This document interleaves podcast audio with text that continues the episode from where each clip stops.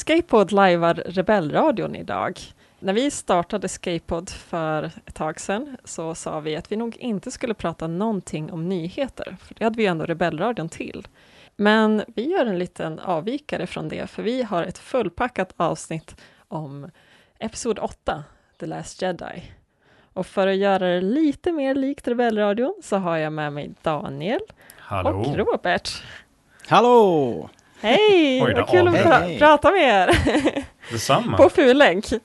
Ja, vad kul. Det var eh, evigheter sedan. Ja, inte för mig. Nej, just det. Du var ju här i marsavsnittet. Det stämmer. Avsnitt tre eller något sånt där. Ja. Och jag som pratar heter Hanna. Välkommen till Escape-podd.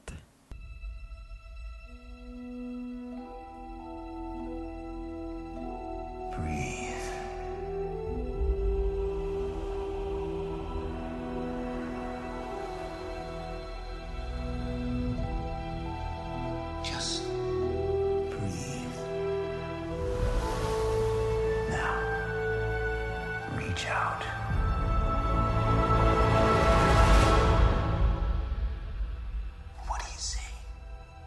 Jag tänkte att vi kanske skulle börja med att prata om elefanten i rummet. Och det känner jag är den otippade lilla mängden hype som finns kring den här filmen. Håller ni med mig? Har det varit ovanligt lite hype för den här filmen? Jo, men jag tycker det. Om man jämför med senaste åren, eh, Force Awakens och Rogue One, där det var liksom nyheter och läckor och allting eh, dygnet runt nästan kändes som, så har det varit väldigt lite från, från den här filmen. Och jag vet inte om det är medvetet eller om det är någonting de döljer eller vad som sker, men ja, det är väldigt lite. Nu är, det ju, nu är de ju på ett schema. När det var dags för The Force Awakens så hade vi ju väntat i, i eh, inte hur många år. Sen, eh, sen i början på 2000-talet liksom. Så det, det fanns en, en, ett uppdämt behov då som inte finns nu. Ja, jag tänker också att det är lite samma sak, att liksom, vi har fått några aptitretare, så att eh, liksom, vi är inte lika tokhungriga som vi var här för några år sedan. Sen tänker jag att det kanske också till viss del beror på liksom, våra personliga erfarenheter, eller i varje fall du och jag, Robert, satt ju och spelade in mycket Rebellradion precis innan The Force Awakens, så vi hoppade ju på varenda liten nyhet och satt och liksom diskuterade en teaser i en och en halv timme bara, var och en för sig. Eh, I den här, här gången så har vi liksom inte haft den här toktörsten för varenda liten nyhet, så jag undrar ifall det också är att man själv liksom missar lite grann, att det kanske faktiskt finns någonting där, men att man liksom inte hänger med på det. Vad tror ni? Jag tycker när de förra filmerna kom så fick man ju nästan ducka på internet för att inte bli spoilad eller råka ut för rykten eller någonting. Uh, nu får man, jag söker lite ibland efter information. Jag tycker att jag hittar ingenting fast jag söker aktivt eh, periodvis. Ja. Det kan ju också vara så att fansen, på samma sätt som liksom vi kanske känner att ja, vi är inte lika hungriga längre, att fansen som liksom enhet kanske inte har varit lika på på den här, så då gör det att det, liksom, det blir inte lika mycket läckor och det blir inte mycket, lika många hypoteser som sprids runt och sådär, för att liksom, ja, men folk är lite coolare nu. Om vi nu utgår från att läckorna inte var planerade. Vilket jag tror att Ja, de just var. det. Och det är sant, de läckorna var nog ganska planerade. Det kanske också var ett JJ-knep, eller vad man ska säga, så att han kanske hade ett sätt att hypa en film, om han nu ens överhuvudtaget fick säga till någonting om det, eh, medan Ryan Johnson verkar ha en annan typ av integritet, känns det som. Nej, men precis. Jag tror både det var, att det var mycket mer planerade eh, småsläpp, alltså läckor då fr- från, eh, det var ju planerat från, från, eh, från insidan. Jag kan inte tänka mig något annat liksom. På The Force Awakens-tiden. Nu är det nog inte lika mycket sånt, även om det som kommer och har kommit som läckor känns ju också väldigt sådär, eh, att det måste vara någon i, på insidan. Vad, Ja, lite känns som det, släppas. de som liksom släpper det till eh, TMC eller någonting. Så att Ja. det, det känns planerat. Men sen, sen eh, några av de allra största fansajterna som uh, Jedi News till exempel, de, de har ju en de vidarebefordrar inga läckor. Och eh, så att jag tror att eh, vi alla, hela liksom communityt var så vansinnigt hungriga där före The Force Awakens. Det där har lagt sig och jag tror att eh, eh, det är ingen som vill bli spoilad liksom. Nej, precis. Förra filmen var det ju lite som att man bara satt och bockade av allting som man redan hade en aning om. När man väl såg filmen menar jag det. Så, åtminstone jag kände att jag liksom gick igenom listan. Ja, men just det, det här hade vi listat ut eller det här hade vi fått reda på på något sätt. Så att det är lite skönt att inte veta lika mycket inför den här.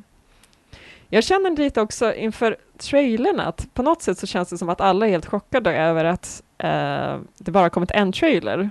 Eh, och för att jämföra lite Force Awakens och Last Jedi så försökte jag kolla upp exakt när Force Awakens-trailerna kom. För det var ju tre trailers som kom överhuvudtaget. Det var en teaser och sen var det väl, kan man säga, två riktiga. Och teasern kom ju redan 2014, alltså över ett år innan eh, Force Awakens kom.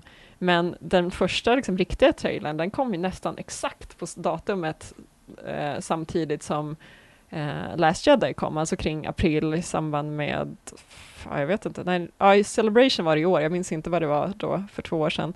Eh, så att om man, om man jämför liksom med de här fylliga trailerna så är de ju egentligen precis rätt synkade.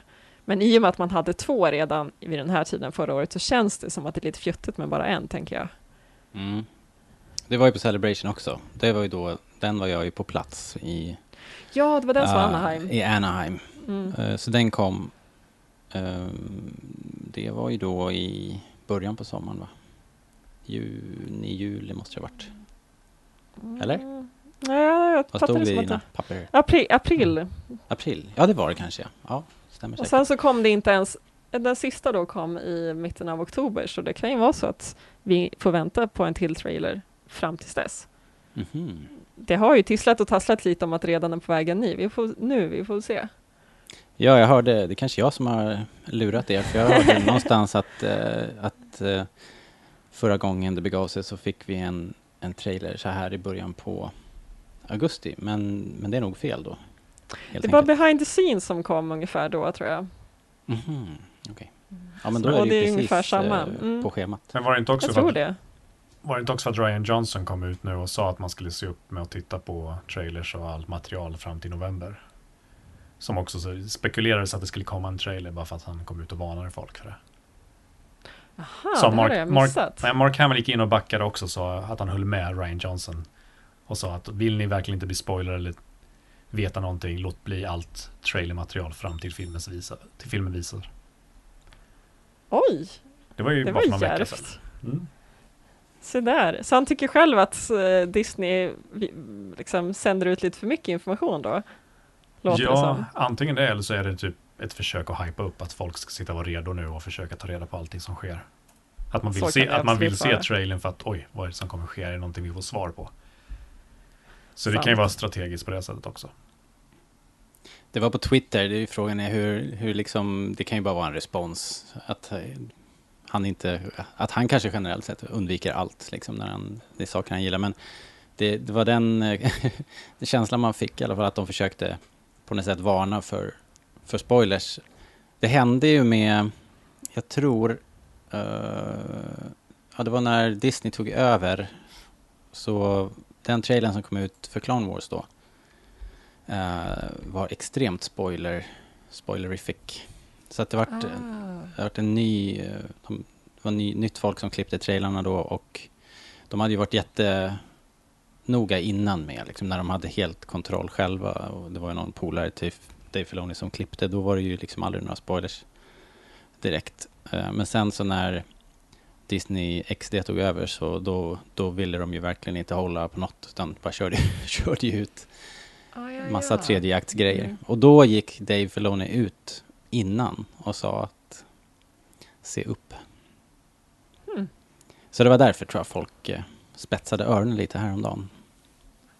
Jag kommer nog oavsett vad inte kunna hålla mig om det kommer en till trailer. Jag är sjukt pepp på den här. Jag förstår att det är vissa som inte är det, för vi har fått liksom två filmer redan och det börjar liksom lägga sig lite grann, men jag vet inte, det är någonting med den här filmen som gör mig jättesugen, så att jag är verkligen redo och jag kommer inte hejda mig. Eh, vi kanske går vidare från hype-vakuumet och börja prata lite om filmen. Eh, Mm. jag tänkte att vi kunde börja med att ta avstamp från den här behind the scenes eh, filmen som kom ja, för några veckor sedan. Då. Eh, jag har försökt klippa ihop lite grann om vad som sades på den här, för att ge liksom en helhetskänsla för filmen. Ryan has written a story that's unexpected but right. Some of the stuff that happens, people are going to be like, oh my God. Even though I think I know it all, they throw things at me story wise I never could have imagined. And even though everybody knows that it's the second in a trilogy, it feels like its own thing. All the characters are also so complex. It feels like the storylines are becoming more established. We're really getting to know these new characters, also with the characters that we know and love. We're seeing their lives change. Everything is being shifted in an opposite way to what the audience expected after seven. Ryan's made Star Wars fresh and new. I'm hoping it'll be a little shocking, but I'm hoping it'll feel real and honest. It's about family, and that's what's so powerful about it.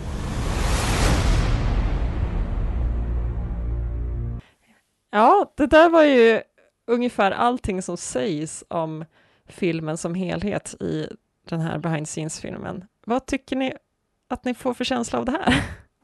Jag, jag är så splittrad, för att dels känner jag, jag hoppas det är sant. För att Ryan Johnson känns ju som någon som skulle våga experimentera och tänka annorlunda, till skillnad från JJ eh, Abrams som kopierar ganska mycket innan.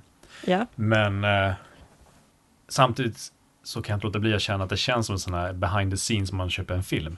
Där alla liksom håller varandra om ryggen och bara Åh, det är så härligt och allt var så bra, allting var så jättekul och det känns lite, lite stageat på något sätt. Man försöker sälja in det här att det ska vara så annorlunda. Så jag är lite avvaktande på det där, men jag hoppas ju att det blir något annorlunda. Men samtidigt så hoppas jag att det inte blir för annorlunda. Jag vill liksom inte att det ska kännas som en helt annan science fiction franchise. Utan jag vill att det ska kännas Star Wars, men att han har tänkt en vända till och göra något nytt. Ja, visst skulle det vara kul. Jag håller med dig lite om att det känns ju, det blir ju alltid så här att de ska liksom hypa upp filmen allihopa på ett så här supergulligt och eh, spexigt sätt.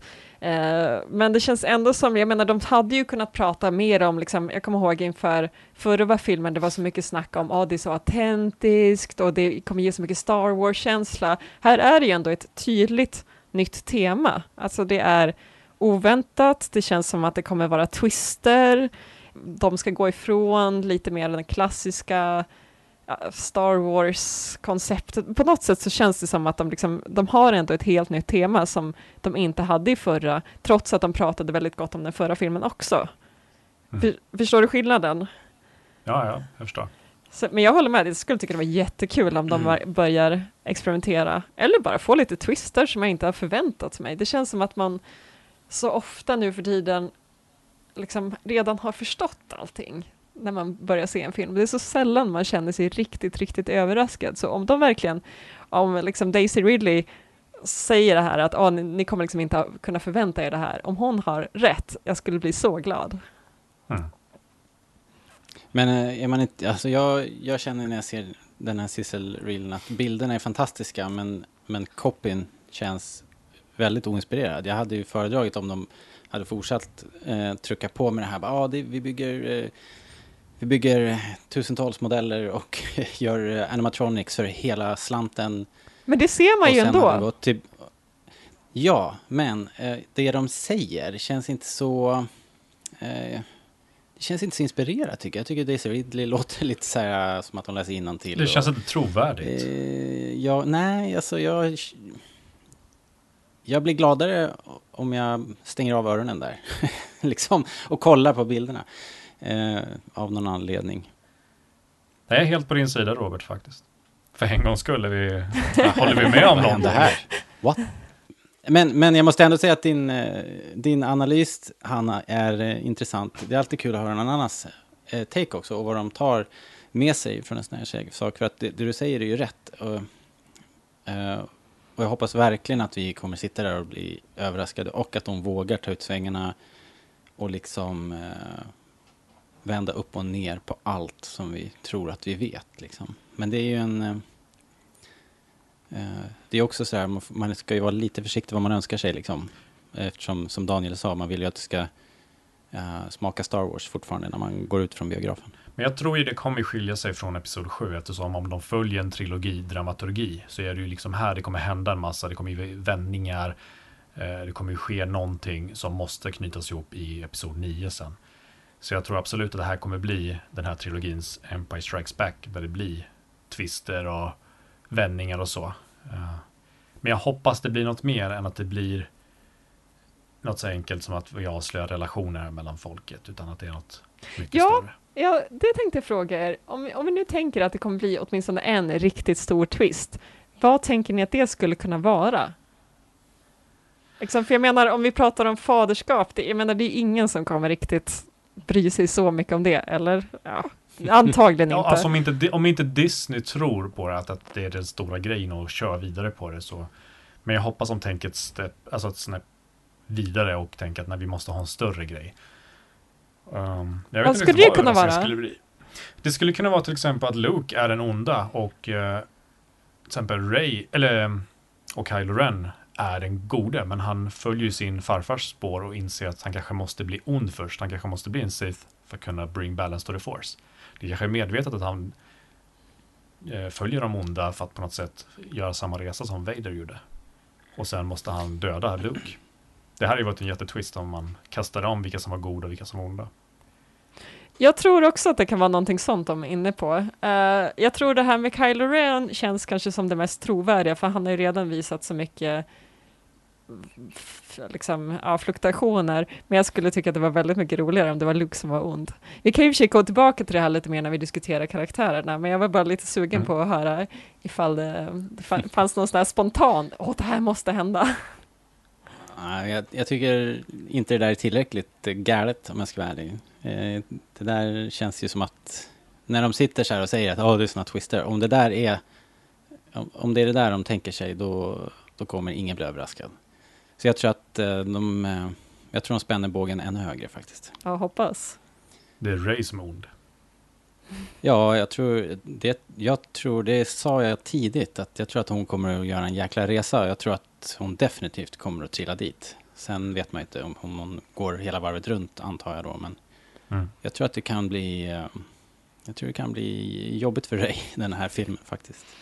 Men då känns det lite som att vi redan nu börjar komma in på rollpersonerna och vi har snackat nu lite här om Ray, så vi kanske ska börja med henne. Eh, och jag tänkte här, som en liten replik på det ni säger om eh, att Ray faller in i ondskan här, så tänkte jag att jag spelar ett nytt klipp. Close your eyes. Feel it. The light. It's always been there. It will guide you. Okej, det här är ju inget bevis på någonting, men jag vill ändå påpeka att Mas Kanata känner att det finns ljushet i Ray. Hon pratar inte om någon ondska, hon pratar om ljushet. Vad vill ni säga till det? Nej, men så är det ju nu. Hon är ju en väldigt medkännande person och, och eh, har ju inte eh, har inte halkat dit än. Men eh, jag tror att eh, det har väl sagts på lite olika ställen. Mark Hamill har sagt att man ska att det alltid är svårt att möta sina idoler och, och sådär. Och det får en ju kanske att tänka att det här mötet mellan Ray och Luke inte kommer gå riktigt som, som Ray har tänkt sig och eh, kanske inte heller som Luke har tänkt sig. Så att eh, hon är ju hon är ju helt ensam i världen, Ray. Mm. Och om hon kommer nu till, till den här mentorn och blir avvisad eller något, så um, det kan ju ta hårt liksom. Och om eh, Snoke är där och, och fångar upp henne i, i det ögonblicket så kan ju vad som helst hända känner jag. Nej, men jag tror det här just med att, som man säger, om att, att möta sin hjälte kanske inte är så enkelt och vad man liksom sett framåt. Eh, indikerar på att Luke har, har förändrats. Jag tror inte han är gode, snälla Luke, innan jag tror han har väl någon form av eh, tvivel på vad, vad han har följt egentligen. Och jag tror det kommer smitta av sig på Ray som har kommit dit för att tränas för att bli en jedi, men det kanske inte är den träningen hon kommer få. Vad kommer hon göra? Jag är nog inne på ditt spår mera Daniel, alltså att jag tänker att den stora skillnaden i vad ni två säger, det är ju att eh, Robert pratar om liksom att det kommer från Ray, att hon blir besviken på Luke och liksom tvekar och får en massa mörker i sig, medan jag tycker det låter på dig Daniel som att det snarare mörkret redan finns hos Luke. Att det är det som är problemet och inte Ray. Alltså det jag också tänker är att Luke har redan misslyckats med Kylo Ren en gång. Ska vi ha liksom en till historia där han misslyckas med Ray? Är det det vi liksom ska se? Kanske. Nej, men det kan ju vara nyckeln att eftersom han har, han, han har ju försökt att bygga upp någon form av Jedi-akademi eller någonting och eh, så, så vitt vi vet så är det väl uh, Kylo och uh, vad heter de, hans gäng där, uh, Knights of Ren som liksom satte punkt för det och hade ihjäl alla. Och jag tänker mig att Luke är bränd. Han har, han har provat det där och det gick inte så bra. Men har det där, har det där visats tydligt eller vad vi spekulerar utifrån Nej, drömmar och sånt? helt. Vet vi att det är de vet som har gjort inte det? helt. Ja, fast, fast ehm, det berättas, är det Hans Solo som berättar för Finn och Ray att eh, han försökte träna honom och eh, jag kommer inte ihåg vad som sägs ordagrant där, men visst 17 säger de något, något åt det hållet. Jag minns inte riktigt. Det enda jag kommer ihåg är att man ser ju drömsekvenserna men det Mm. säger ju inte det är ju fragment, man vet ju inte riktigt vad som hänt. Det finns ju ingen kronologisk Nej. ordning eller något. Det hade lika Nej, väl kunnat precis. vara Luke som sitter vid elden efter att han har bränt ner stället. Att han har gått igenom någonting och bara känt det här är inte rätta vägen och så bränner han ner hela akademin. Aha, men vänta, menar du att han skulle ha dödat sina elever också? Jag tror det sägs att han blev förrådd av den här studenten. Ja, precis, men Jag nästan säker på. ja, ja, det, det får vi reda på, men frågan är ifall det verkligen sägs att det är Kylo Ren och hans order som dödar alla. För det vore ju helt sjukt Nej. intressant om det skulle visa sig att eh, Luke på något sätt får någon slags okontrollerad ilska i samband med det och råkar, råkar ha ihjäl sina elever. För det kanske bara är någonting vi har antagit, för vi har sett liksom den här orden Ja, ja, och sen har de vi sett ju- massa lik och så bara drar vi kopplingen att ja, det var de som hade ihjäl alla, men det kanske Ja. faktiskt inte har sagts. Han får en blackout. Han går och bråkar med alla, visar penis och Någonting sånt. dementerar allt i pressen. Jag hade en Någonting sånt, blackout, ja. jag ber om ursäkt. Precis. Men det är ju någonting speciellt med Luke utöver eh, att det har liksom gått dåligt i det förflutna för att han är ju ändå helt isolerad nu. Han vet ju liksom om att saker håller på att hända i, i galaxen. Det är jag helt övertygad om, även om han kanske stack innan The First Order verkligen kom igång. Men han måste ju förstå att hans liksom, vänner är under hot och ändå så kommer han inte tillbaka. Vad tror ni det beror på? Är det bara liksom att det gick dåligt för 15 år sedan eller vad det nu är? Jag, jag tror det hänger med min teori om att han är på väg åt ett annat håll. Han är väl farlig för allmänheten och på något sätt tar han väl att skydda resten av världen genom att gömma sig och vara så långt bort som möjligt. Dels kanske för att han inte vet hur han kommer kontrollera sin, alltså sina, sina krafter och han kanske blir ett hot själv. Eller om någon annan hittar honom och utnyttjar honom som eh, ett vapen. Kan jag tänka mig.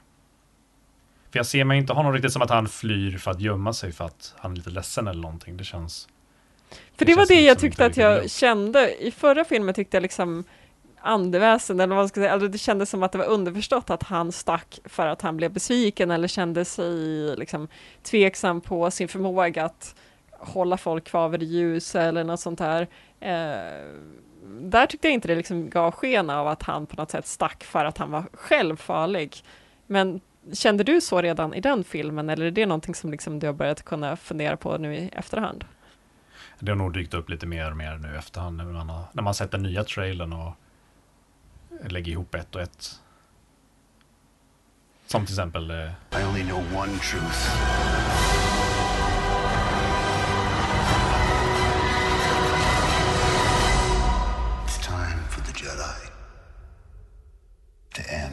Det här är det mest intressantaste i hela trailern. Jag kan liksom strunta i allt coolt man kan se. Utan just den där repliken kände jag var det mest intressanta med hela trailern. Mm, jag har en, en, en tänkning om det där. Kör på. Ehm, if I may. Mm, kör! Varsågod. Eh, alltså, vi pratade ju om vad som... Dels vad som gick snett och, och varför, vad, är, vad är Lukes motivation? Varför, vad sitter han och kurar för? Men eh, jag tänker att det måste ju höra ihop. Eh, om han känner att eh, han försökte bygga upp en stark jedi-närvaro och det gick åt skogen igen. Alltså om vi nu tänker Order 66 som den första stora Mm.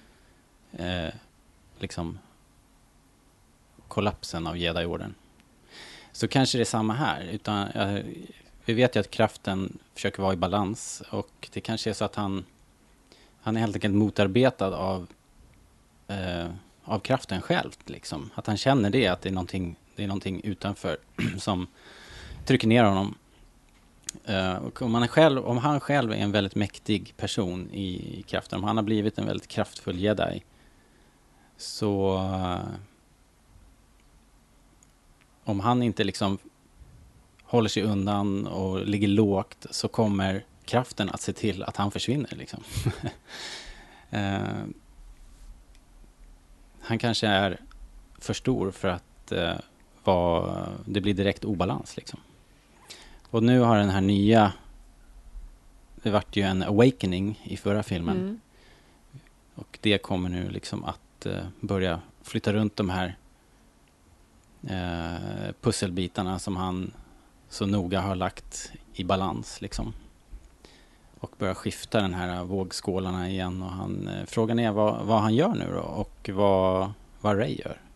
Men menar du då att liksom om, om Jedi-orden blir för stark, så alltså bara den goda sidan, då är man inte i balans? För alltså jag tänker också i de gamla filmerna så pratar man ofta om att ja men den här profetian, allting ska bli balans och så känns det som att Jedi-orden alltid själv liksom underförstått bara tänker att ja men allting är balans om Jedi-orden vinner. Eh, Ja, men men det känns ju som det börjar liksom gå mer och mer mot att balans är när både den ljusa och den mörka sidan finns. Eh, Ja, det känns ju som en definition man kan skriva under på. Och man kan ju diskutera då om, om jedi-riddarna har funnits i tusen år för, förut och sådär. kan man ju undra vad, vad dess, dess motvikt var och så. Men, men i nuläget så är ju... eh, ja, jag tänker att det skulle kunna vara så i alla fall. Det skulle kunna vara ett, ett eh, liksom svar på frågan varför han känner att han eh, måste ligga så lågt. Ja, men jag känner nog Men, lite samma ja. kanske, att, att han på något sätt ser att balansen är mer än bara den ljusa sidan och att liksom man kan inte bara förenkla det så mycket som att bara pusha för det, för det goda liksom, utan det är mer komplext och det ser alltid till att bli mer komplext ungefär. Mm. Och hela det här grejen om profetian och så som vi fick i prequels och allting. Han kanske tog sig tillbaks till det här första jedi-templet nu och eh, kollade vad fan det är som gäller egentligen liksom. I arkivet där. Vad är den här Ah. profetian för någonting? Det är därför och, man får se den och- här eh, skriften som det är någon som läser ur va? Alltså du tänker att det är så ja, som det, det, är skulle kunna vara lite... Ja, precis. Vi kommer aldrig ifrån profetian och man får aldrig reda på vem the chosen one är. Nej. Men- It's all about family. Men eh, Daniel, du sa att du kände massor inför den här ehm, repliken. Vill du utveckla? bara, för att, bara för att eh, gå in på vad som ni precis har diskuterat nu, så är det, det är ungefär samma håll jag tänker mig också, fast ni kör det väldigt avancerat. Ehm, Men jag tror också på att det är den här balansen, att det går inte att ha två olika sidor. Är alla i balans så kan det inte bli någon konflikt om man har både godhet och ondhet i sig. Eller den balansen av att man inte hindras vara den motsatta sidan, om ni är med vad jag menar. Ehm, så jag tror han bara hittat ett sätt att sluta, alltså avsluta konflikten mellan de goda och onda genom att helt enkelt vara i mitten. Och att han kommer propagera för att fortsätta att det är där man ska vara i mitten. Och jag tror inte det är någon slump att vi i Rebels på senare tid har fått eh, introduktioner till det här genom hela Bendu-grejen. Att man kan vara någonstans i mitten och varken vara ond eller god. Nej, jag, jag tror också att de hänger ihop En väldigt väl. presentation där. Mm. Jag tror att det är ett ganska eh, klyftigt sätt att få in det. Liksom att, eh, visst, det kommer vara en massa fans eller massa biobesökare som inte alls har sett Rebels, men liksom de inbitna fansen kommer känna igen sig och det är ändå de som kanske kommer bry sig mest om det här med ljus och mörker och profetian och allting sånt där. Det kommer också förstås Mm. finnas de som bara går och ser filmen, men det går säkert att förenkla det här jättemycket så att de blir nöjda. Men jag tror att det kommer finnas ett, ett annat gäng som vill veta så mycket mer och de har redan sett Rebels och är liksom mera mottagliga för Mm. hela konceptet.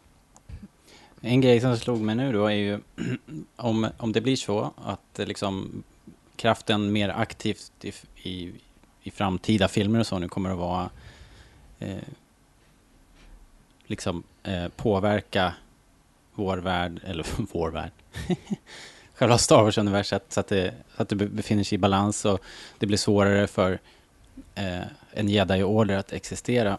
Men undrar om vi kommer få se då att eh, vi kommer att få gå ifrån också det här the rule of two i uh, Sith, på Sith-sidan, att den sidan uh, kommer att vara starkare, ha större arméer, medan Jedis då med Lukes lära här kom, alltid kommer att vara un- the underdogs framöver. Att de kanske kommer att vara två, tre stycken bara. Eh, alltså omvänt lite eh, läge mot hur vi har tänkt på det förut. För Jedi-orden har ju alltid eh, tänkt på som, man har ju tänkt på det som någon sorts eh, enorm orden Visst. med tusentals jedis och sådär. Så då tänker du att eh, innan så hade vi jättemånga ljusa, två mörka och vi kommer få det utbytt mot två i mitten och jättemånga mörka. Det låter som en kraftig förskjutning åt den mörka sidan, men eh, det, det Ja, kanske är precis. görbart. Eh, för frågan är ju liksom, om man ser att den mörka sidan blir för stor, kan man då fortfarande hålla sig mot mitten eller måste man inte då liksom gå tillbaka till den ljusa sidan bara för att eh, liksom, mot, som har som en motvikt? Då måste man ju ut och fightas för den goda sidan helt enkelt. Eller så är man neutral. Ja, fast eh, om, om den här balansen ska, ska finnas så eh, måste någon eh, trycka på från andra hållet. Liksom. Och eh, om man då är eh, en god jedi at heart liksom, så, så kanske man tar, tar det, axlar, axlar den manteln Men då då, har i du det ju- läget. Liksom. Om du är i balans så har du ju inget behov av att utrota den ena. Eh, nej men alltså, jag tänker inte balans på det personliga planet, jag tänker på ett stort, stort plan. Liksom, om du tänker i hela, hela universumet, liksom, hela galaxen. Så att eh, de, de få personer som ändå lutar åt det goda, de kommer att, de kommer att få stå mot en större mörk hord som kanske inte lever efter det här eh, Ja. nya dekreten. Liksom.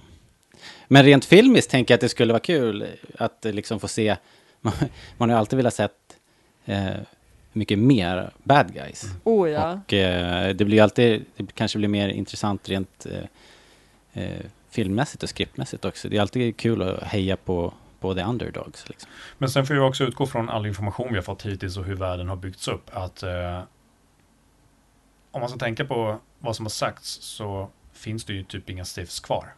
De dog ju när Palpatine dog. Och Snoke, Ja. Snoke har ju sagt att han inte är någon eh, jedi, eller, eller det har man inte sagt, men han är ingen Sith har de ju sagt.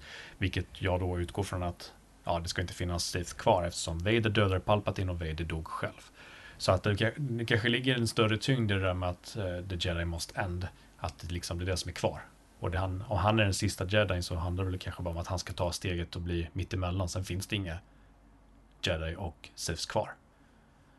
Han kanske har en eh, konflikten med sig själv att han är fortfarande en jedi men han inser att han måste gå till mitten för att avsluta hela jedi-orden. Om han nu räknas Ja, precis. Han kanske sitter där och slåss med att han kanske måste göra slut på sig själv och inte kan det. Liksom. Ja, eller ja, Eh, exakt. Mörkt. Ja, men inte kanske fysiskt att ha livet av sig, men ändå att han måste gå över till den andra läran, att embrace the darkness på något sätt och hitta balans där. För det är väl alltid det det handlar om, om man kollar på Jedi-sidan, handlar väl alltid om att man inte ska eh, övergå till sa, alltså övergå till känslor och sånt som leder till den mörka sidan. Det handlar om att avstå från en massa hela tiden. Och det kanske är det han Ja. bara behöver göra, att han fortfarande är en good guy, men han ska inte vara rädd för att känna de här sakerna som liksom förbjuds Ja, just det. att kännas. Nu faller det på plats. Det är därför han åker till kasinoplaneten. Vadå för att För bli att- big spender? Ja, precis. Att- Fear and loathing. Men på tal om Snoke då, eh, ja, jag håller nog med om att jag tror inte heller han är en Sith, han är, det har väl också nämnts, vare sig Kylo Ren eller Snoke är nog Siths, men de är ju ändå uppenbart onda, liksom, om de nu ska förtrycka den här Det var goda så jag sidan. tänkte, vill jag också förtydliga. Ja, precis. Jag tänkte också så förtydliga, bara att det var inte... Sith, jag har inte monopol på ondskan, liksom, utan det kan ju vara vilken motkraft som helst. Det kan ju vara Men vi har ju en, Knights eh, of Ren en också. helt ny. Ja, men exakt. Det kan vara precis vad som helst. Men varför är det då hans ansvar att slåss mot dem om de är liksom bara ondingar? Det finns ju alltid ondingar överallt. Jabba the Hutt är ju en onding. Till exempel. För att det är kra- kraftberoende. De kommer liksom alltid vara sammanvävda, även om det inte är Sith och Jedi så är det ju ändå just det här för att få balansen i kraften så spelar det ju då roll om det kommer nya eh, kraftanvändare som bara kör den mörka sidan. Då är det ju samma problem igen med balansen. Fa- Fast nu utgår ni från att alla som Mother Talson. Nu utgår ni från att alla som har på något sätt eh, kraft, alltså kraften i som har force sensitive och eh, är onda är liksom jättestora generaler eller arméer eller de stora profiler. Det kan ju lika väl vara någon ganska kraftkänslig på en planet som råkar mörda någon och lite inkognito. Lite ja, okänd. men jag, jag tänkte hur mera Knights of Ren, personen? till exempel. Ja, ja. Som ändå har introducerats till viss del, åtminstone med namn. Men vet vi om, Mm. de vet vi inte heller om de är eh, safe eller kan eh, använda kraften. Det har liksom inte påpekats eller visats. Men vi har vi inte i Nej. hennes vision ett antal personer med eh, ljussablar? Eller minns jag fel? Nej, de har lite annan uh, brokig uppsättning vapen. Så vi får se vad det där är. Ah, Men jag, jag tänker Daniel att eh, Ja, de, det är bara inte hänga upp sig på liksom, eh, inte hänga upp sig på just Sith, utan det kan ju, det kan ju komma, jag menar det, ju, det här är ju någon som skriver ihop, så vad som helst kan ju hända. Det kan ju komma en, en helt ny orden av bad guys som är force wielders. Uh, det var så jag tänkte i alla fall. Liksom. Jag, Ja, jag, jag håller med dig Robert, det skulle vara kul att se liksom, ett stort gäng, lite som uh, Old Republic liksom, eran, när det verkligen, när de bara köttar på. Det skulle vara kul att bara se det där armén av ond, ondingar. Eh, men Yes. när vi ändå nu är inne på det här med onding, vad tror ni om Kylo Ren den här filmen? Kylo Ren eh, har ju en jäkla väg upp om, om han visar sig vara ändå att han på något sätt eh, ska få en återupprättelse. Han har ändå, han har ändå mördat sin far. Det- känns ju som att eh, det, han är rätt långt eh, ner i, på rött liksom. det är en lång väg tillbaks. Oh ja. Så jag tror inte att han... Jag vet inte, jag skulle ha svårt att köpa det helt enkelt. Så jag, Att han skulle gå tillbaka till det goda tillbaks. menar du? Ja. Eh, men å andra sidan så... Jag har väl hört andra som har spekulerat i att om, man, om han nu gör det och så, så skulle man kunna ladda Hans Solos död med någonting liksom riktigt stort. Eh, alltså att det betyder någonting liksom. Men, Ja. Menar du att hans stöd då skulle vara det som triggar igång Kylo Rens färd mot den ljusa sidan? Ja, i så fall. Jag, jag köper inte det och jag är inte så sugen på det. Men, ehm, men jag har hört om tankegångarna där ute. Själv tror jag att... Eh, jag, vet inte, vad- jag vet inte vad jag tror faktiskt om Kylo Ren. Men jag, jag hoppas i alla fall inte att det är den historien som vi kommer få se. Jag, jag hoppas att han blir fortsätter att utvecklas och att vi får se Knights of Ren riktigt ondskefulla och ehm, sådär. Jag, jag, jag hoppas liksom inte att de Kylo och Ray kanske möts på mitten och, och bondar och blir buddies. Så att det blir någon sorts buddy cop movie med de två liksom.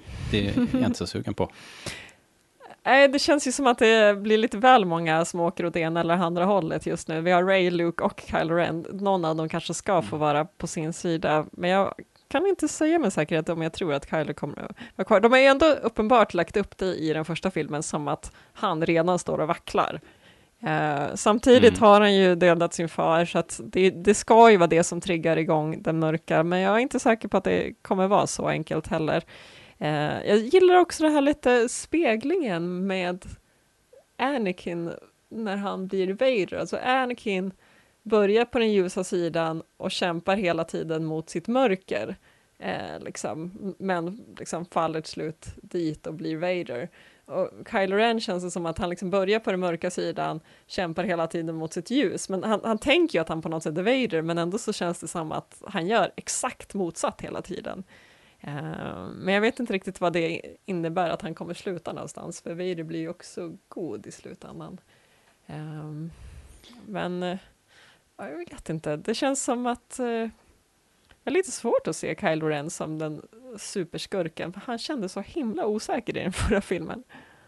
Jag är inne på ditt spår, Hanna. Jag tror inte han blir den här superskurken. Eh, för att han har liksom inte pondus eller karaktären för det. Och de har tryckt för mycket på att han är en osäker person. Han har en helt annan roll att spela. Som jag, och jag, det är precis som jag, som jag sa innan, som jag tror att han kommer ha en avgörande roll. Hoppas jag. Men jag tror inte att han är bara en rent av god person blir ond. Jag tror det finns någonting mer bakom. Om vi får reda på det i åttan vet jag inte, kanske hintar. Men förmodligen nian i så fall.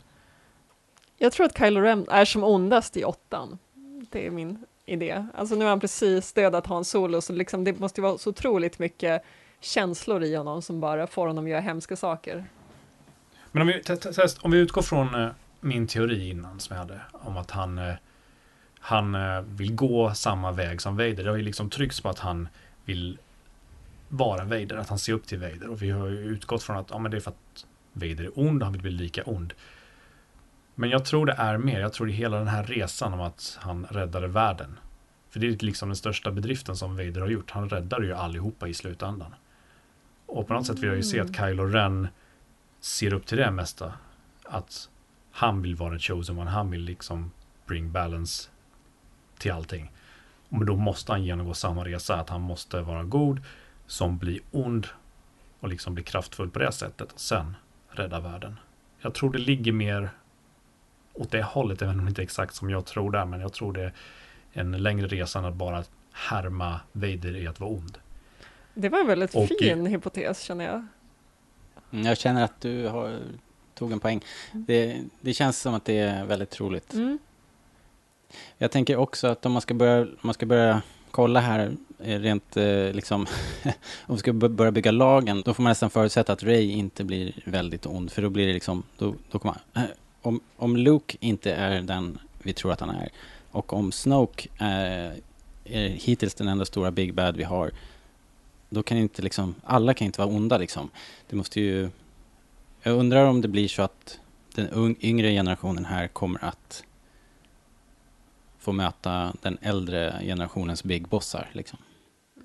Så att vi har Kylo Ray på, på, på, ena sidan och vi har Luke och Snoke på andra sidan. Det kan ju bli sån enkel grej egentligen som att de måste kombinera, alltså Ray och Kylo Ren måste kombinera sin ljusa goda sida för att tillsammans på något sätt skapa en balans mot Mr. Balance eh, Luke. Mm. Jag, vet inte, mm. jag vet inte vad jag ska kalla hans eh, order eller liksom hans nya filosofi i så fall. Men Mr Balance, vad han heter där. Men jag vill återkomma jag också till det varför han dödade Solo också. För jag ser det liksom inte som att han reser till hans mörka sida. Jag såg hela den scenen mer som att han har sin agenda, han har sitt uppdrag, att han ska försöka övertyga om att han är någonting för Snoke att bli tränad. Eh, och liksom han står och tvekar, gör han rätt nu? Så kan han liksom in i det här mörka för att följa den här vägen, att han måste bli som Vader. Och det är liksom en chansning att han, ja, jag måste döda min pappa, vill du hjälpa mig? Så, mm. så att det är liksom både kanske Solo och han offrar Solo i den situationen för att det är liksom steget Kylo måste ta för att Snoke ska acceptera honom och träna honom vidare. They need you! Now, go! I need a weapon! You have one!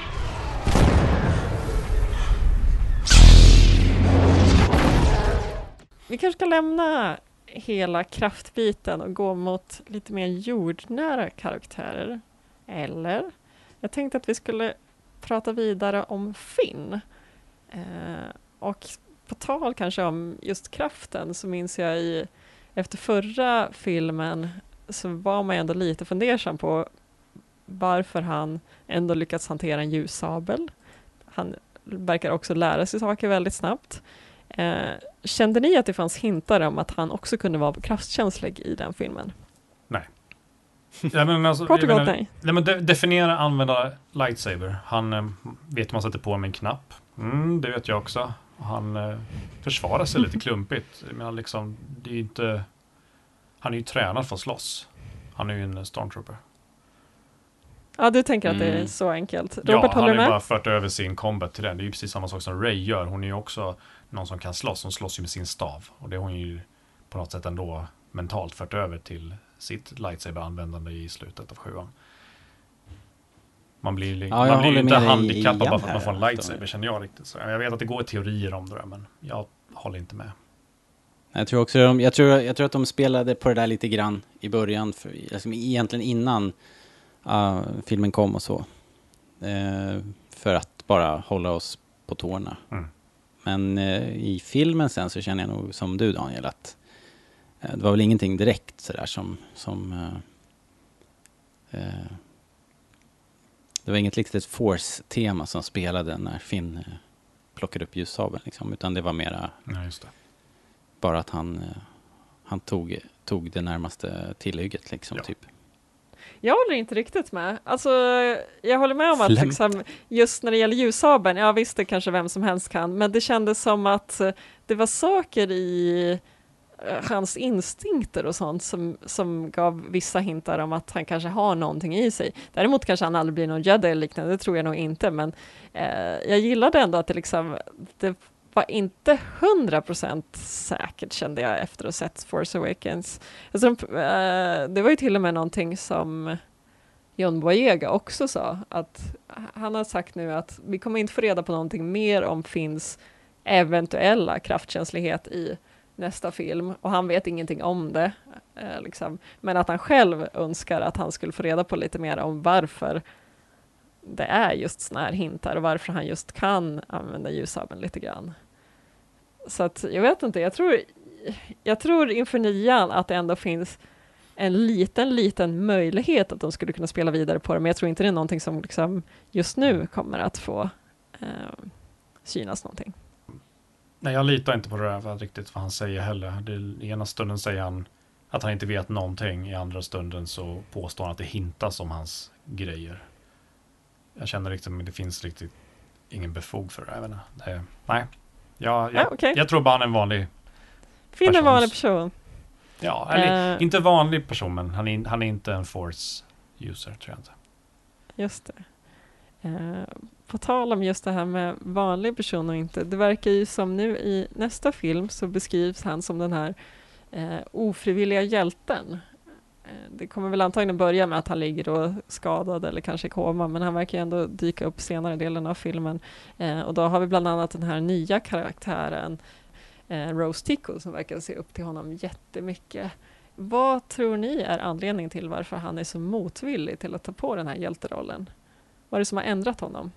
När du säger att han har ändrat... Eh, Ja, jag kände lite i Force Awakens så kändes det som att han gärna ville liksom skryta lite eller liksom, han ville gärna spela en roll på något sätt. Eh, det kanske en tjej bara gjorde för att rädda sitt eget skinn, jag vet inte riktigt. men ja, men han spenderar ju rätt mycket tid med att försöka ta sig ifrån så långt bort som möjligt. Eh, han lämnar ju sällskapet där hos Maskanata också och, och tänker dra ju. Så att frågan är ju vad som får honom att eh, stanna kvar. Eh, snarare. Nu är han ju... Alltså han, han är ju superförtjust eh, i Ray. Så att, Mm. eh, jag menar, han, han, han var ju den som kom tillbaka. Han gjorde, de, hela den här grejen att de åkte till Starkiller var ju... Det var ju för att Ray var där. För hans del. Alltså du menar att i och med att han hade liksom andra motiv till hela den här grejen så känner han liksom en skuld av att bli kallad hjälte? För att han egentligen Kanske inte ville... För jag menar, han gjorde ju någonting stort. Han hjälpte ju till att få Starkiller Base förstörd. Så han är ju liksom rent konkret en hjälte. Mm. Men du menar att han känner Ja. sig inte det för att han liksom aldrig riktigt har uppfattat sig själv som någon god person? Nej, det är väl en, en rimlig tanke. Jag har inte, har inte pusslat ihop det där, men, men det låter väl troligt. Och, och, och, och det, det är väl också något som folk i, i vår värld här brottas med om de gör saker och ting, om de räddar folk ur brinnande bilar och hus och grejer så är det ju sådär att man kanske inte var, varannan gång slår man väl ifrån sig det där och säger jag, jag gjorde bara det som du skulle gjort för mig och sådär. Men eh, i det här fallet var det ju oerhört stora effekter av hans eh, försök att rädda Ray. Ja, alltså jag, jag hade inte riktigt tänkt på det där just med hans uh, Ray-fokus. För jag tänkte liksom, ja, men han körde ändå på och hjälpte The Resistance och han borde ju bara vara nöjd. Men, uh, men det är ju sant, det var ju ändå trots allt bara för Rays skull. Så att det vore inte helt konstigt om han känner någon slags förvirring inför det här. Nej, men för jag, tänk, jag tänker att Han Solo gick igenom samma resa också. Han var ju ofri, ofrivillig hjälte också. Han, eh, han räddade ju Leia och sen ville han sticka därifrån. Så kom han tillbaka och sen i Episod 5 så vill han sticka igen men försvinner iväg för att rädda Luke. Han blir ofrivillig hjälte hela tiden för att han har ju känslor som styr honom och någon form av lojalitet. Men det är ju väldigt sällan man ser honom, nu gör jag det här för rebellerna, förutom i, i nia, eller säger jag, förutom i sexan när han eh, följer med till Endor. Men jag tycker det känns där som att han mera har annat på gång. Alltså att så här, jag tycker inte det känns som att han är obekväm i rollen som uppskattad person, utan mera bara, jag skiter i vad ni håller på med, jag har inte tid med rebellrörelsen. Förstår du lite skillnaden? Alltså så här, han kan ta emot komplimanger eller han kan ta emot medaljer i ceremonin. Liksom. Det känns inte som att han där är så oj, oj, nej, men jag förtjänar inte det här. Liksom. Vem vill inte ha medalj?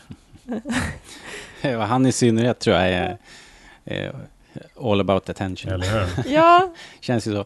Men annars så håller jag med dig, Daniel, att eh, det, det, är nog, om vi ska typecasta så är det nog eh, Hans Solo-facket vi stoppar eh, mm. Finn. Liksom.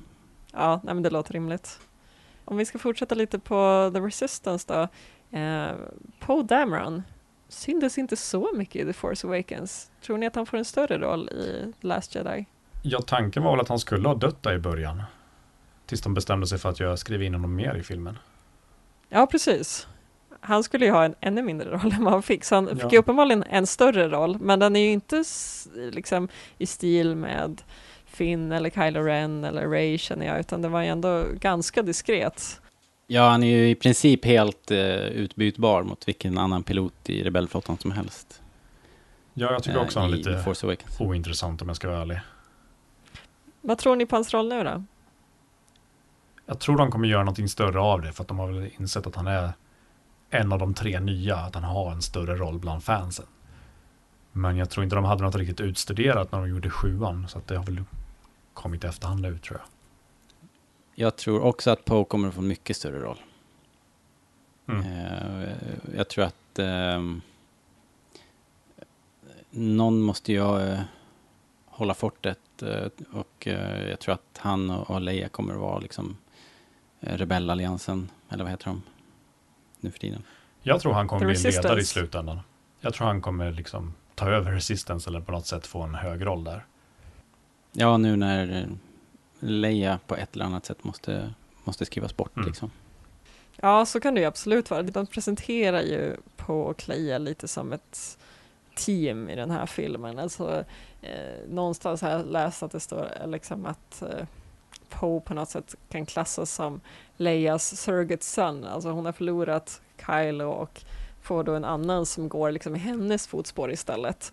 Eh, så jag tror att de kan få en ganska mm, intressant dynamik. Jag tror inte att det kommer vara helt svartfritt heller, för att jag har svårt att tänka mig att Leia bara accepterar allting Poe säger eller vice versa.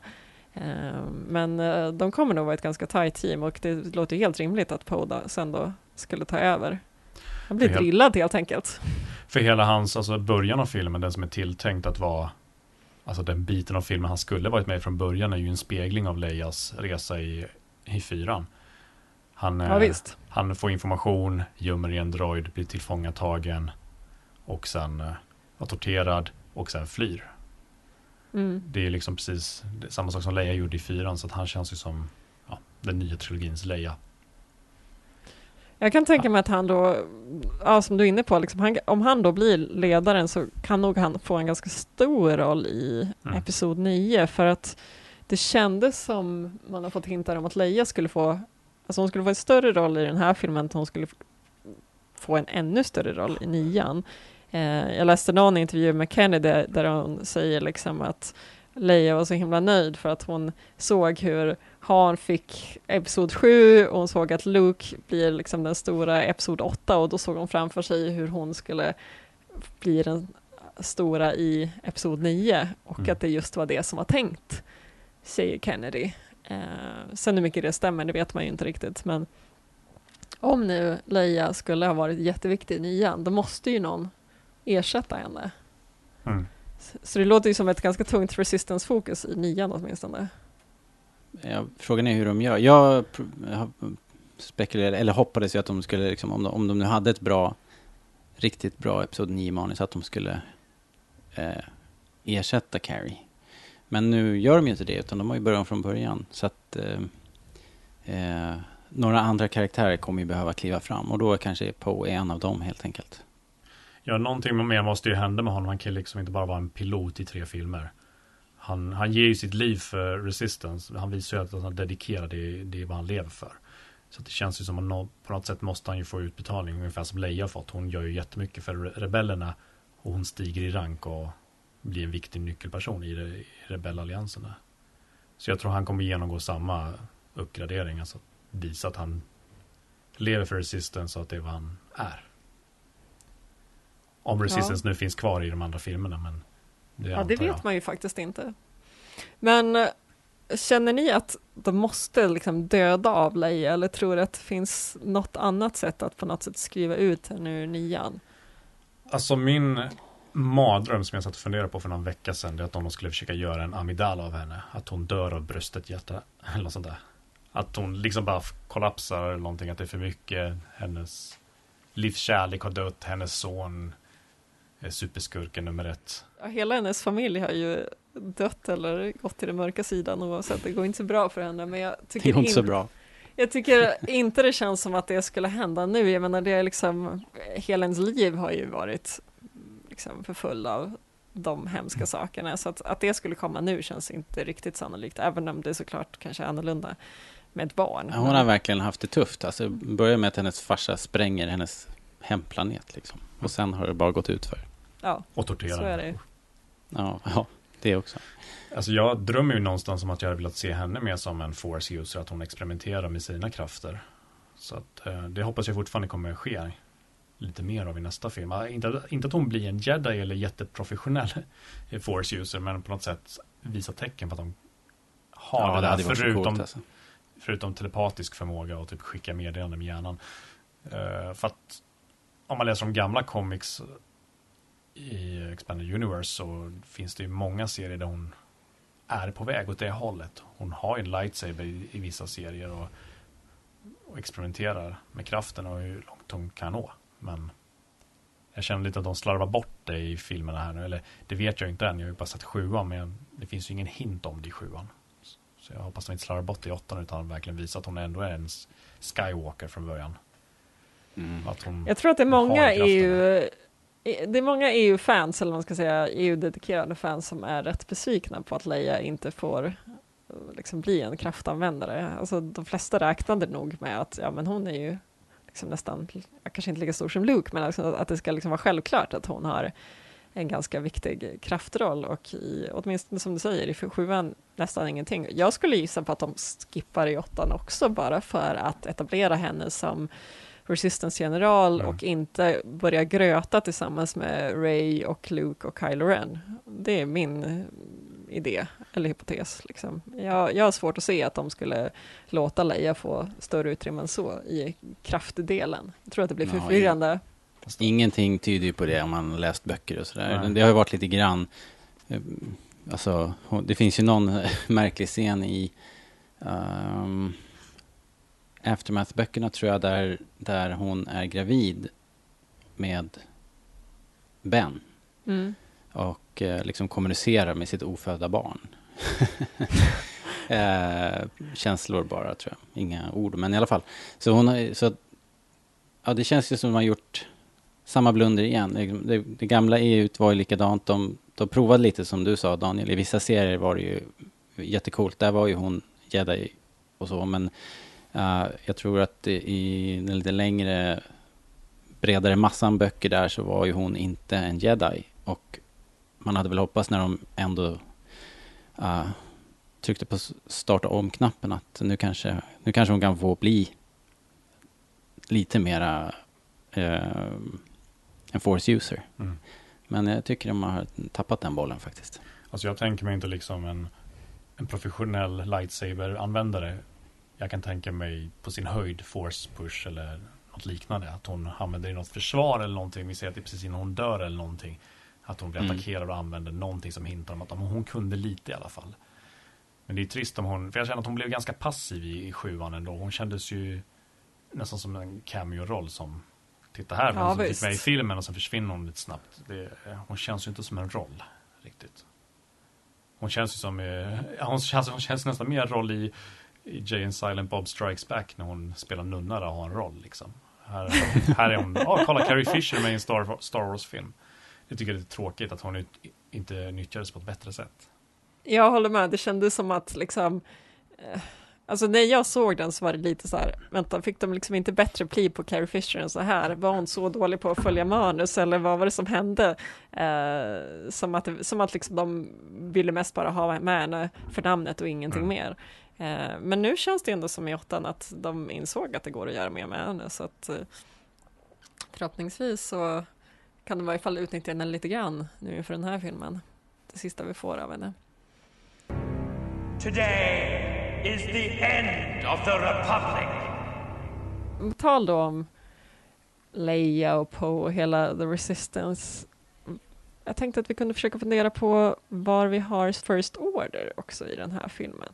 För vi avslutade Force Awakens med att se att Starkiller Base är förstörd. Eh, hela deras liksom, huvudvapen bara krossat. Eh, det ska bli intressant lite att se vart de kommer komma härnäst. Det tänkte jag att vi kunde prata om. Men först ett litet ljudklipp som kan ge oss någon hint. Is there anything that you can tell us about the dark side? After the demolition of Starkiller Base, does the First Order have to go back to the drawing board? Or was that just one part of their plan for galactic domination? Uh, well, yeah, I mean, Starkiller Base, big loss, big loss. But uh, they did manage to take out the seat of the Republic, and that's thrown the galaxy into chaos, and the First Order are jumping on that at the beginning of our movie. Um, very aggressively, not sitting on their hands. They're making some big moves at the start of our film. So things are going to get dire. Mm. Det här är från en Celebration-panel förresten, kan jag nämna. Otroligt eh, coolt. Det där hade jag inte hört. Nej, Eh, jag missade Man också. blir ju eh, jäkligt peppad av det där måste jag säga. Ja men visst är det så. Man tänker ju att de är helt krossade nu, men tydligen inte va? Nej, alltså eh, jag kommer ihåg när vi pratade om The Force Awakens så vad hela dealen var, varför måste vi ha en, eh, jag är nästan rädd att säga det här nu, varför har vi en dödsstjärna till? Eh, för nu kommer ju trigga någonting i Daniel här. Men i alla fall så, det var ju liksom, eh, som jag såg det, varför de hade implementerat, varför de hade en, ett supervapen överhuvudtaget var ju just av den här anledningen. Vi måste, vi måste snabbt bli av med hela den nya republiken. Och eh, det var det de gjorde. Precis. Och liksom startade om allting från början. Så att nu när vi kommer det här, då, då är det ju som, som vi vill ha det. En liten, eh, ett litet eh, glatt band av rövare och en jättestor ondskefull eh, ett ondskefullt kungarike liksom som vi måste ut och slåss i. Det är ganska intressant och ganska kul för jag har inte tänkt på det heller att på typ två minuter eller hur lång den scenen är så lyckas de göra det som tog Palpatine att göra i tre filmer. Ja visst. Ja, wipe it. Klart. Nu Men det här är faktiskt rätt intressant, det du säger Robert, jag har inte tänkt på det heller, att liksom Starkiller Base var bara där för, eh, för att då förstöra hela det politiska väsendet och liksom ordningen i galaxen. Och de behöver kanske inte Starkiller Base längre. Alltså om man då jämför med Dödsstjärnan, det var ju det jag och Hanna pratade om i förra eh, avsnittet, eh, den användes ju liksom som en skräck, ett skräckverktyg egentligen.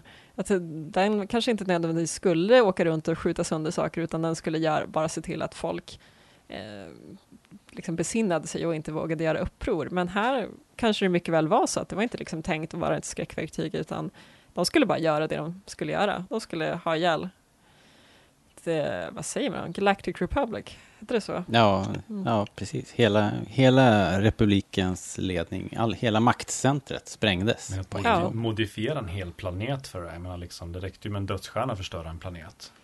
Fan, borde, finnas, borde finnas en dödsstjärna någonstans i en ga- ett garage eller någonting. Ja, men skulle väl göras ordentligt. Det var ju faktiskt flera planeter på samma gång. Det framgår inte så mycket i filmen, men det är, det är liksom coolt att de har tagit dödsstjärnekonceptet och bara skruvat upp det till 180. De skjuter genom hyperrymden liksom. Ja, visst. Eh, det, det liksom framgår inte riktigt i filmen tycker jag. Nej, jag tycker också man tror liksom att, jaha, men de skjuter en rak linje, klart, allting dör, men eh, det är ju en helt annan teknologi. Eh, och framförallt, som du säger, syftet verkar ju ha varit helt annorlunda, även om det utåt sett ser ut att vara ungefär samma sak. Eh. Man undrar vad syftet är, alltså, så här ur vår synvinkel som tittare, som, som konsumenter av Star Wars så är det tydligt att vi- vi måste bli av med republiken för att det ska bli kul igen. Eh, bort med all politik på en gång så här, boom, pang. Men som Snoke, vad är meningen? Liksom, eller Hux, nu spränger vi hela maktcentret och kastar in eh, liksom eh, hela universumet i stenåldern. Liksom. Kan det verkligen vara... Ja, vi får se då. Det var det han sa här ju nu. Eh, ehm, Johnson. Mm. Nej, jo. Jo. Att, eh, att de, nu kan de, i det här vakuumet så kan First Order kliva in, kliva fram. Det var kul också att det lät som att det var JJ Abrams som ställde frågan. ja, det var det inte. Uh, men det är ändå, jag tänker att det är liksom, ja, men som i vår värld, om vi har liksom en stor diktator som uh, avsätts så kommer det oftast nya makter hela tiden. Så på det sättet förstår jag ju liksom om First Order vill få bort huvudaktören för att kunna kliva fram. Men samtidigt så nämner ju då Dwayne Johnson att liksom de eh, mår ju bra i ett galaktiskt kaos. Och jag tycker inte riktigt att det matchar så bra mot liksom Hux till exempel och hans personlighet. Att där känns det ju som att det ska vara liksom så superorganiserat. Eh, vad är liksom den här kaosgrejen ser jag kanske inte riktigt hos det system vi sett i First Order. Nej, men det är ju precis det som, som jag menar, att det är lite um, underligt kanske. Men å andra sidan så är det ju på något sätt den här re resetet av hela universumet som de, där, där de kan verkligen ta åt sig en jättebit av kakan. I, I det gamla systemet, om republiken hade fått finnas kvar så hade de inte varit tillräckligt starka kanske. Ja, just det. Ja, det kan vara så enkelt kanske. Han är ju, han kanske trots allt är militär och strateg och allt det där. Inte bara spritt galen. Det ska bli jättekul att se vad de gör med det här nya, nya mysiga Star Wars-universet vi får. Mm, visst. There's a trail. Of course there's a trailer. What are you talking about? Of course. Of course.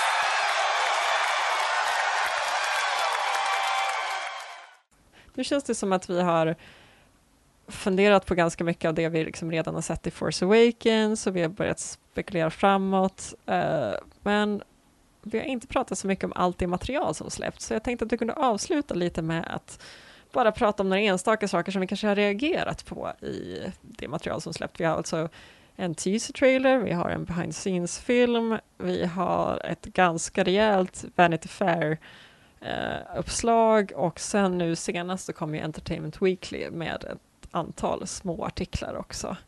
Eh, Daniel, du kan få börja med att säga vad du har kikat lite extra på. Jag måste vara ärlig att jag har inte riktigt haft någon superhype över allt material och det betyder inte att jag inte ser fram emot film utan tvärtom. Jag känner väl lite mer att ge mig filmen bara. Jag kommer se den oavsett vad ni visar mig. Men eh, den egentligen enda grejen som jag reagerar på som jag hajar till det är, det är den scenen när det flyger eh, skepp mot någonting som ser ut som walkers och det flyger upp massa rött. Jag vet inte om det är någonting som skeppen släpper ut eller om det är damm som kommer upp från marken och att det är någon röd sand eller någonting. Men det ser, det ser väldigt intressant ut, det ser unikt ut och det var någonting som fick mig att haja till och bara oj vad är det som händer där, vad är det som sker? Jag går inte riktigt igång på flygscener i trailers eller explosioner eller när det är actionsekvens på an- vanligtvis. Men just det där kändes lite extra coolt tyckte jag. Så jag är väldigt nyfiken på vad det, vad det är som sker, vad är det röda som flyger upp där bakom dem och vad är det de slåss mot? Är det Walkers? Är det en Hoth 2-strid? Nej, nej, vi får se. Det är otroligt vackert i varje fall. Ja, väldigt estetiskt fint. Robert, har du något särskilt som eh, du funderar på? Jag är väldigt nyfiken på eh, Laura Dern och eh, vad heter han? Eh, Benicio del Toro. Benicio del Toro och, och sådär. Ehm, men framförallt Laura, Laura Derns karaktär eh, och särskilt kanske nu när vi vet att Leia kanske är på väg ut. Jag undrar, ja. Mm. Vi kanske kan nämna att hon Det kommer alltså ju- spela Vice Admiral Amelon Hodo, alltså en Mm. högt uppsatt Ja. inom The Resistance. Ja, men precis. Ja, just det, det kanske blir hon som tar över allt. Sen hörde jag också någon annan som spekulerade i att om det nu här är den andra delen i trilogin och det här ska vara motsvara på något sätt eh, spegla um, eh, Empire, Rymdimperiet slår tillbaka, som den ju heter. Eh, så, så kanske vi måste få... Dels kommer det ju gå dåligt för rebellerna och The First Order kommer koppla ett stort grepp och sådär. Men, men vem är det som är förrädaren? Vem gör Lando-grejen? Um, och då började jag också tänka på Laura Dern och eh, kanske Kelly Marie Trans karaktär. Eh, det pratas ju mycket om twister och turns och sådär, så jag tror att vi kommer att få en rejäl kniv i ryggen vid något tillfälle här. Det förväntas ju nästan det. alltid ska vara en twist i varenda ny film just nu. Så att, Jo, men twister är en sak, men förräderi är ju lite mer specificerat. Det är ju... Mm. Ja, varför inte? Skulle ju också kunna vara spegelvänt. Skulle ju kunna vara kan, Phasma kanske. Gör en bak och fram Lando. Men hon har ju redan typ gjort den, det Ja, förräderiet det är genom att inte göra motstånd i förra filmen. Det Ja, kanske för sig, hon kanske alltid varit en dubbelagent, att det är det som är grejen, det var därför hon aldrig Ah. sa ifrån. Kolla, bitarna faller på plats. Ja, äntligen får vi det förklarat. Det jag har reagerat mest på tror jag, det är några korta segment i, eh, ja, bakom kulisserna, reelen då. Eh, och det är när Adam Driver eh, tränar strid och när Daisy Ridley tränar strid. Båda de kör ju då med Mm. pinnar som motsvarar ljussablar. Och vi ser eh, Adam Driver slåss mot två personer samtidigt och alltså i den här träningen, man får väl utgå från att det är någon slags koreografi de ändå tränar och sen så har vi Daisy Ridley som eh, konfronterar tre personer med stavar samtidigt. Eh, så jag är bara så himla sugen på att få reda på vilka motsvarar det här. Liksom. Kylo Rens mot Luke och Ray kanske? Det skulle jag kunna tänka mig om det är två personer samtidigt, men Ray mot tre? Är det, är, är det nu vi får se alla de här skurkarna i den nya eh, armén? Eller, jag vet inte, men eh, jag vill bara se de två, de två striderna kommer jag se fram emot väldigt mycket i filmerna. Ja, ren gissning. Det finns ju också, eh, finns ju också en chans att det är Kylo Ren som tränar mot eh, två stycken som Snoke har arrangerat träning med. Han ska ju ändå tränas för att bli absolut. vad Så ska kan det bli, verkligen vad vara. han nu ska bli för någonting så det kan ju ingå i Vad träningen. heter de här vakterna nu som, jag, som vi fick se i Vanity. Fair? Det var de jag också på. Guards, de röda. Guard, ja. De verkar ju ha någon form av eh, stav med någon liten ljussabel, eh, eller det är någon form av laserklinga liksom. Mm. Mm. Jag tror ni att det är de som Ray kör mot också då, eller kan det vara så simpelt?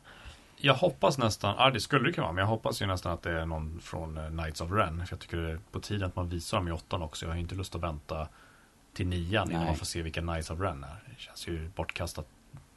För de är, de är Ja, men- rätt coola i konceptstadiet där. Om man, Ja. sett, om man sett böckerna och så. Eh, Så jag hoppas inte de slarvas bort och blir någonting som bara nämns. Och, eller- bara visas ett litet ögonblick i, i nian. Utan att man gör något mer av dem.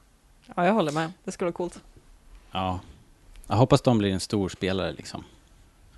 Ja, precis. Kanske till och med en egen faktion om vi nu har liksom Knights of Ren kanske går åt ett håll och First Order åt ett annat. De, var ju, de drog ju inte helt jämnt liksom. Ja, Nej, jag ser dem nästan lite som uh, In- Inquisitor, Inquisitors, vad heter de, Inquisitors i uh, Rebels. Mm. Det känns lite, jag får en Mm. liten känsla av det.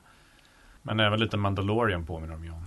Ja, är det inte de med Mandalorian-hjälm i det där sällskapet? Eller bara jag som helt hallucinerar nu? Jo, men det går ju så himla fort det där klippet. Så man, frågan är vad man... Jo, men liksom- alla har väl pausat sitt VHS liksom- och spanat Ja. in den där, Ja, som man gör. som man gör.